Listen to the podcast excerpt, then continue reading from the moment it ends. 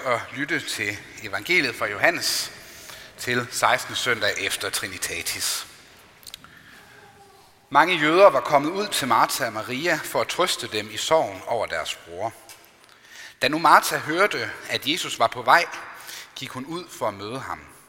Men Maria blev siddende inde i huset. Martha sagde til Jesus, Herre, havde du været her, var min bror ikke død. Men selv nu ved jeg, at hvad du beder Gud om, vil Gud give dig. Jesus sagde til hende, din bror skal opstå. Martha sagde til ham, ja, jeg ved, at han skal opstå ved opstandelsen på den yderste dag. Jesus sagde til hende, jeg er opstandelsen og livet. Den, der tror på mig, skal leve, om han end dør. Og enhver, som lever og tror på mig, skal aldrig i evighed dø. Tror du det? Hun svarede, ja herre, jeg tror, at du er Kristus, Guds søn, ham som kommer til verden. Da hun havde sagt det, gik hun tilbage og kaldte ubemærket på sin søster Maria og sagde, Mesteren er her og kalder på dig. Da Maria hørte det, rejste hun sig straks op og gik ud til ham. Jesus var endnu ikke kommet ind i landsbyen, men var stadig der, hvor Martha havde mødt ham. Jøderne, som var inde i huset hos Maria for at trøste hende, så, at hun hurtigt rejste sig og ville ud. De fulgte efter hende, da de mente, at hun gik ud til graven for at græde der. Da nu Maria kom ud, hvor Jesus var og så ham, faldt hun ned for hans fødder og sagde, Herre, havde du været her, var min bror ikke død. Da Jesus så hende græde og så de jøder græde, som var fuldt med hende, blev han stærkt opbragt og kom i oprør og sagde, Hvor har I lagt ham? Herre, kom og se, svarede de. Jesus brast i gråd. Da sagde jøderne, Se, hvor han elskede ham. Men nogle af dem sagde, kunne han, som åbnede den blindes øjne, ikke også have gjort, at Lazarus ikke var død? Der blev Jesus atter stærkt opbragt, og han går hen til graven. Det var en klippehule, og en sten var stillet for den.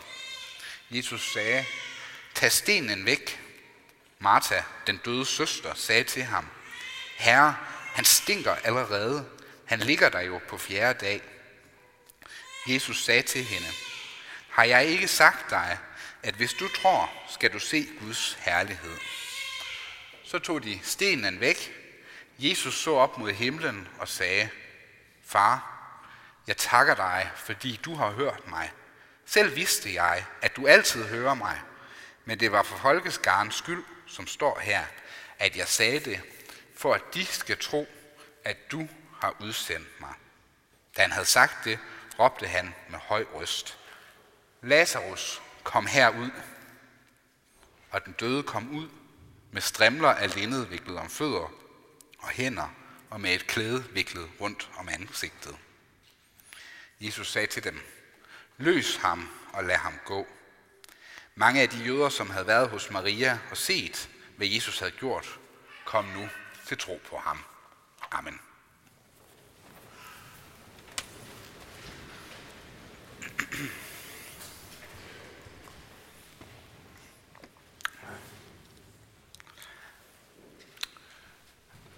Før eller siden, så gør de fleste mennesker sig den skal vi sige, meget grundlæggende livserfaring, at menneskelivet, det er til er, er en særdeles lunefuld størrelse, som man sådan set aldrig rigtig ved, hvor man har.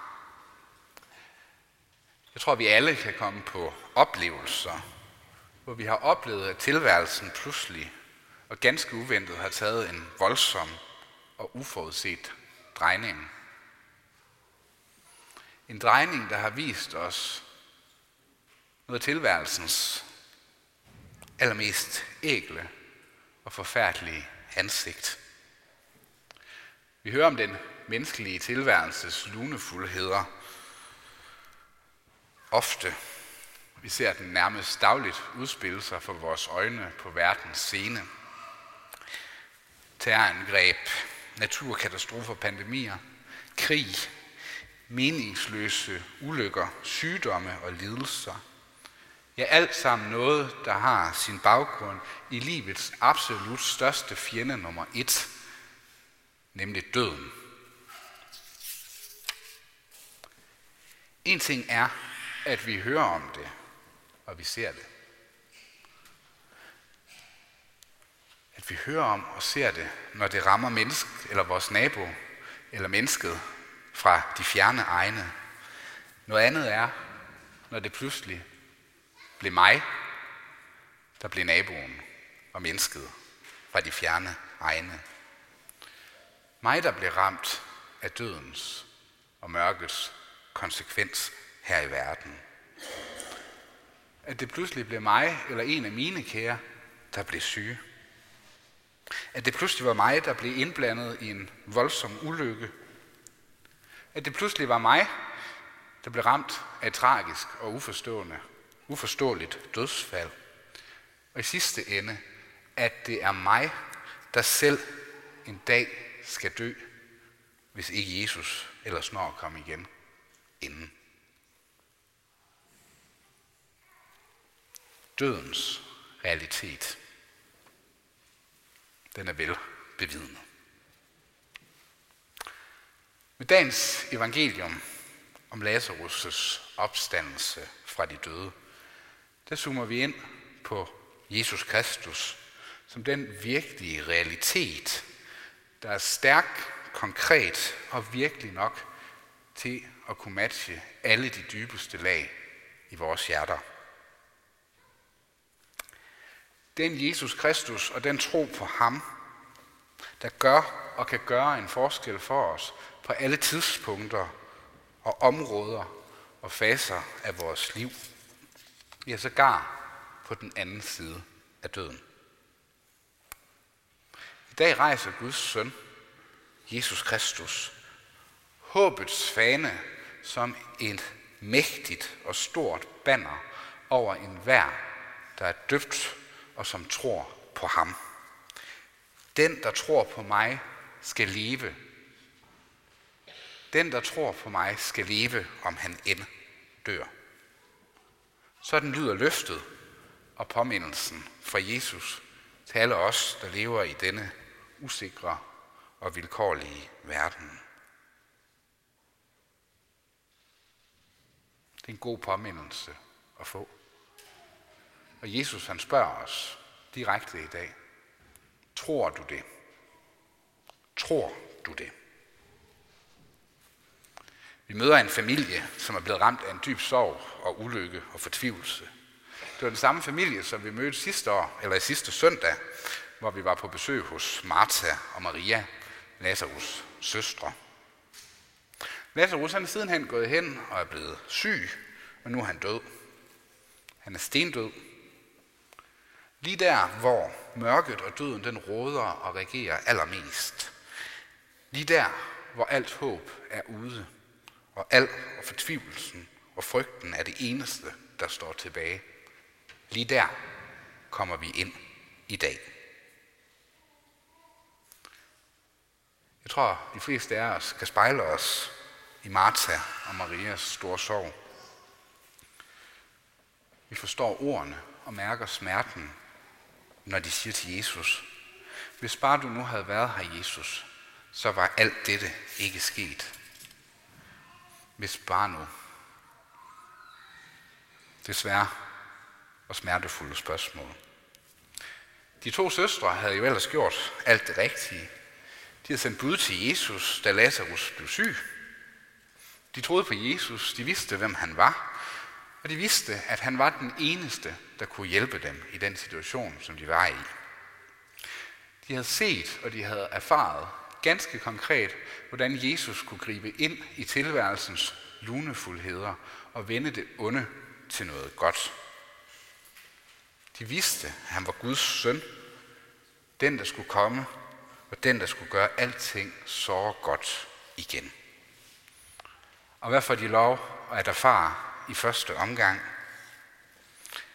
Jo, et par vers inden dagens evangelium til i dag, der møder vi, hører vi, at Jesus til synlædende tøver med at komme. Han trækker tiden ud. Hvilket så betyder, at da han så endelig langt om længe kommer, ja, så kommer han for sent. Lazarus er både død og begravet. Og for at vi skal være helt sikre på det, så får vi lige en regibemærkning med, nemlig at livet stinker allerede. Håbet er slukket. Livet er gået ud. Havde du nu bare været her, Jesus, så var Lazarus ikke død. Altså, hvorfor kom du dog ikke, da vi havde brug for dig? Hvorfor tøvede du, og hvorfor blev du væk? Hvorfor blev du tavs, Gud? Hvis bare du havde grebet ind, Gud. Jeg tror, det er meget menneskelige spørgsmål, når vi bliver ramt af livets grusomhed. At vi kigger op mod himlen og tænker, ja, hvor blev du af? Hvad skete der? Som mennesker og som kristne, der kan vi have, og det skal vi stå ved, store og ubesvarede spørgsmål. Store og smertelige. Hvorfor? Hvorfor? Ja, måske har vi nogle gange lige frem store skuffelser over Gud, som vi på en eller anden måde må forsøge at integrere i vores billede af ham. Nogle gange så oplever vi, at det svære, som vi skulle igennem, det på sigt kunne blive til noget godt for os. Andre gange, så kigger vi tilbage og tænker, ja, der var ikke meget mening i det. Og det er heller ikke sikkert, at der kommer en mening i det. Men Guds planer, de er ikke altid vores planer. Guds timing, den er ikke altid vores timing. Men Gud er stadigvæk den Gud, som holder, hvad han lover, når han siger til os, at se, jeg er med jer alle dage ind til verdens ende, sådan som det lyder i forbindelse med dåben. Jeg er med jer alle dage. I lys og i mørke, i glæde og sorg.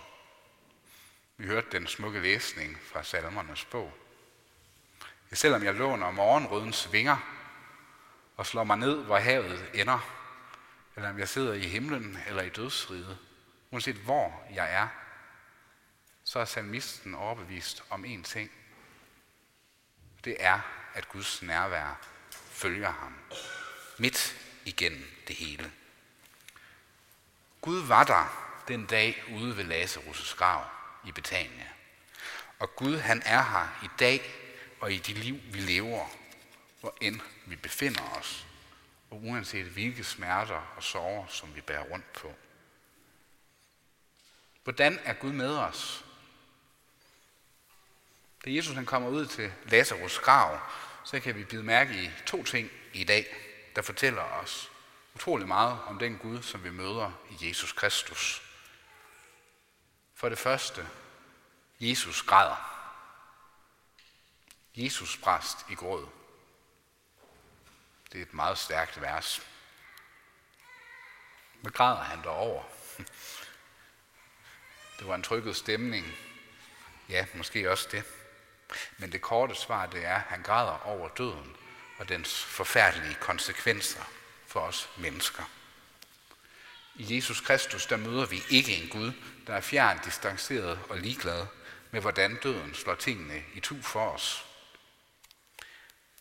Vi møder ikke en Gud, der hverken er for fin eller for ophøjet til at møde os lige der, hvor vi er.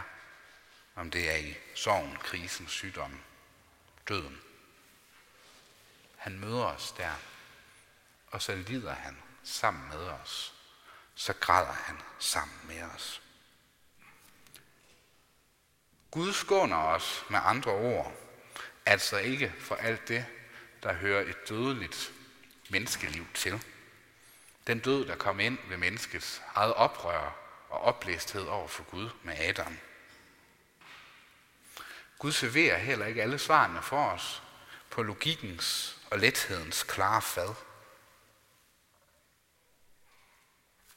Gud kan ikke græde for os, men han kan græde med os, skriver nordmanden og digteren Bjørn Eidsvåg. Men Jesus gør mere end at blive i gråden. Han bliver også vred. Ja, hele to gange bliver han faktisk vred, stærkt opbragt. Det er understregning af, at Gud er vred på døden og på alt dens ødelæggelser. Hvordan viser han os det? Jesus. Ja, det gør han ved at gå hen og give døden en ordentlig en på sinkedusen. Lazarus kom herud. Miraklet og det utrolige sker. Den døde står op af søvnen og kommer lyslevende ud af graven. Det er tydeligt og meget stort vink med den guddommelige vognstang om, hvem Jesus er. Han er opstandelsen og livet. Han har magten over døden. Han kan befale over den, og den må adlyde ham. Og her har vi svaret på, hvorfor Jesus kom for sent til Lazarus. Fordi han igennem Lazarus vil vise os og gøre det tindrende klart for os, at når vi har med Jesus at gøre, så har vi altså med det liv at gøre, der på, der, på, der på paradoxal vis tager livet af døden. Jamen altså, godt for Lazarus da, sådan at få to udløbsdatoer i livet. Han døde jo senere igen. Hvad har det med mig at gøre? Sandheden er, at Lazarus opvækkelse i bund og grund ikke er andet end et ganske lille sidemirakel til det egentlige og det store mirakel, som vi ser udspille sig i den påskeugen, nemlig Jesu egen død og opstandelse den død og den opstandelse, som hele den kristne tro hviler og bygger på. Vi må spørge os selv, hvis Jesus kunne kalde Lazarus ud af graven, og når Jesus ligefrem selv kunne stå lyslevende op af graven påske morgen, så er det altså ham, der kan gøre den store forskel for os på alle områder, faser og tidspunkter i vores liv og i døden. Det er det, Jesus han vil med os. Ligesom Lazarus blev løst og gik ud i livet med stort el, på samme måde så vil Jesus løse og lad os gå ud i det liv her nu, som ikke har nogen udløbsdato. Det evige liv, det er ikke noget, der kun kommer en gang. Det er nu, i dag. Det er stadig et liv, hvor der indimellem driver mørke og tunge skyer ind over os. Men det er det liv som en dag, når historien har gået sin gang, og Jesus han vil fuldende, hvad han har begyndt, så er det det liv, der skal blomstre til evig tid. Så er det det liv, der bryder mørket og døden. Sandheden den er, at et kristent menneske aldrig vandrer mod graven, men mod livet. Vi vandrer mod livet, kære venner. For når vi har fat i livet, så har vi fat i opstandelsen og livet med stort el. Hvor han er, der hersker livet, håbet og glæden, selv midt i dødens allermørkeste mørke. Tror du det? Tror du det? Lad os kaste os ud i troen på ham, der kaldte Lazarus ud af graven, og som selv stod op af graven påskemorgen. Lad os tro og håbe på ham, som har givet sig selv helt og fuldt ud for os. Og så tro ham, når han siger til os, den, der tror på mig, skal leve, om han end dør. Kære venner, så har livet fået et andet perspektiv Også midt i ledelsen og i det, der er svært, så er der immer væk håb at leve sit liv på. Så er der lys. Ja, så hersker livet allerede. Ære være faderen og sønnen og helligånden, sådan som det var i begyndelsen, således også nu og altid og i al evighed. Amen.